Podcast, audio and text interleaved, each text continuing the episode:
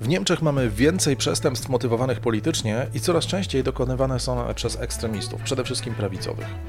W najbliższych dniach grożą nam strajki kolejarzy, bo wczoraj niestety niepowodzeniem zakończyły się negocjacje pomiędzy związkowcami a pracodawcami. Opowiem Wam również o tym, dlaczego unikać należy stacji benzynowych na autostradach w Niemczech i myślę, że to będzie cenna informacja przed wakacjami.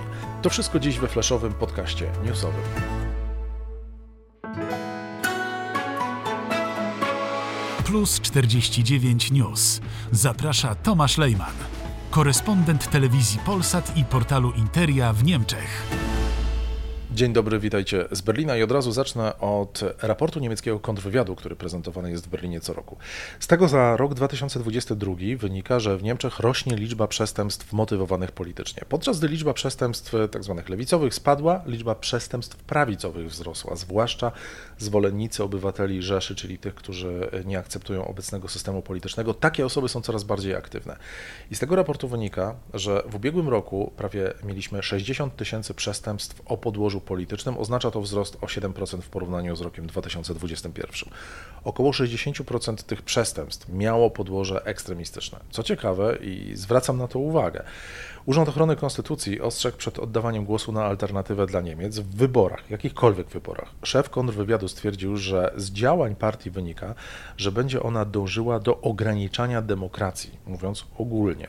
Według oceny urzędu ponad 1 trzecia członków AfD ma potencjał ekstremistyczny, jednak ze względu na istniejące nadal istniejące różnice ideowe wewnątrz partii, nie wszyscy członkowie mogą być uważani za zwolenników skrajnych nurtów. Ponadto kontrwywiad obserwuje, że na sporą część członków AfD duży wpływ ma Kreml i widać to wyraźnie, szczególnie gdzie, gdy szerzone są narracje tzw. Tak rosyjskie w kontekście Ukrainy. I właśnie w tym kontekście zauważalne jest, że przedstawiciele AfD odwiedzają bardzo często rosyjską ambasadę w Berlinie w celu nawiązania kontaktu.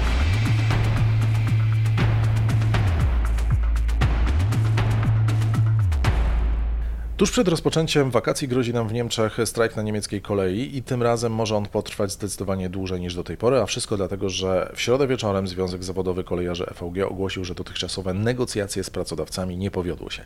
Nie ma po prostu zgody na podwyżkę w wysokości minimum 650 euro, dlatego związkowcy jeszcze przed weekendem mają poinformować, co dalej, jak wyglądać będą kolejne protesty, ale wszystko wskazuje na to, że tym razem to nie będą jedno lub dwudniowe strajki ostrzegawcze, tylko protesty, które mocno zabolą i uderzą w pasażerów. Przypomnę Wam jednak, że nie tylko kolejarze sygnalizują, że odstąpią od pracy, bo od kilku tygodni strajki sugerują również pracownicy linii lotniczych, którzy też domagają się podwyżek ze względu na inflację, zatem no chyba czeka nas gorące lato.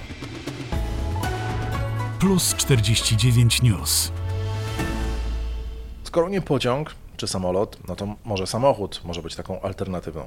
Jak najbardziej, tyle że podróżowanie po Niemczech samochodem do najtańszych nie należy. I tutaj, e, co ciekawe, niemiecki automobil klub ADAC zachęca do tego, by nie tankować w Niemczech na autostradach bo za pełen bak paliwa można zapłacić nawet do 20 euro więcej niż na drogach krajowych czy w mieście lub w małych miejscowościach.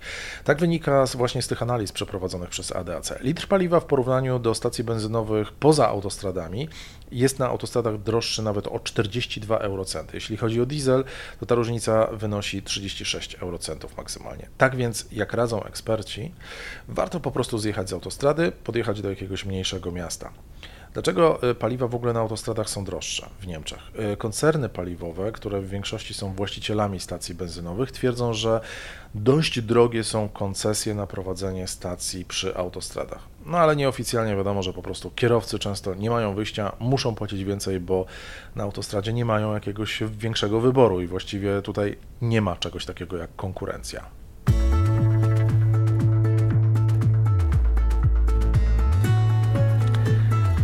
Dziś na ulice Niemiec, i to uwaga, po 13 latach wracają samochody Google, które będą fotografowały tutejsze ulice, by zaktualizować mapę. Dlaczego mówię o tej historii? Bo w wielu europejskich krajach Amerykanie aktualizowali swoje mapy i funkcje Street View niemal regularnie Ale nie w Niemczech, bo protestów i skarg ze strony zwykłych ludzi, którym nie podobało się, że na mapce widać było ich domy, było tak dużo, że Google wstrzymał aktualizację. Uwaga, wtedy do Google spłynęło 245 tysięcy skarg osób, które nie zgadzały się na publikację zdjęć, obawiając się, że mogą zostać one wykorzystane na przykład przez przestępców.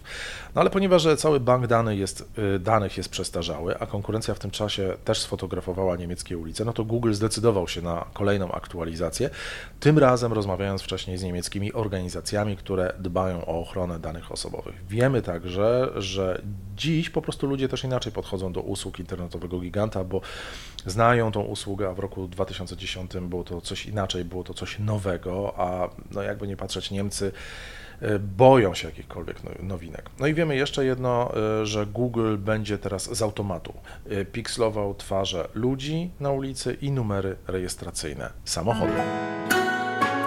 W dzisiejszym e, flashowym podcaście Plus 49 News to wszystko życzę Wam miłego dnia. My się słyszymy w piątek, a ja tylko dodam, że dziś w Niemczech no, pogodowy Amargedon, bo spodziewane mamy nawałnice, a nawet tornada.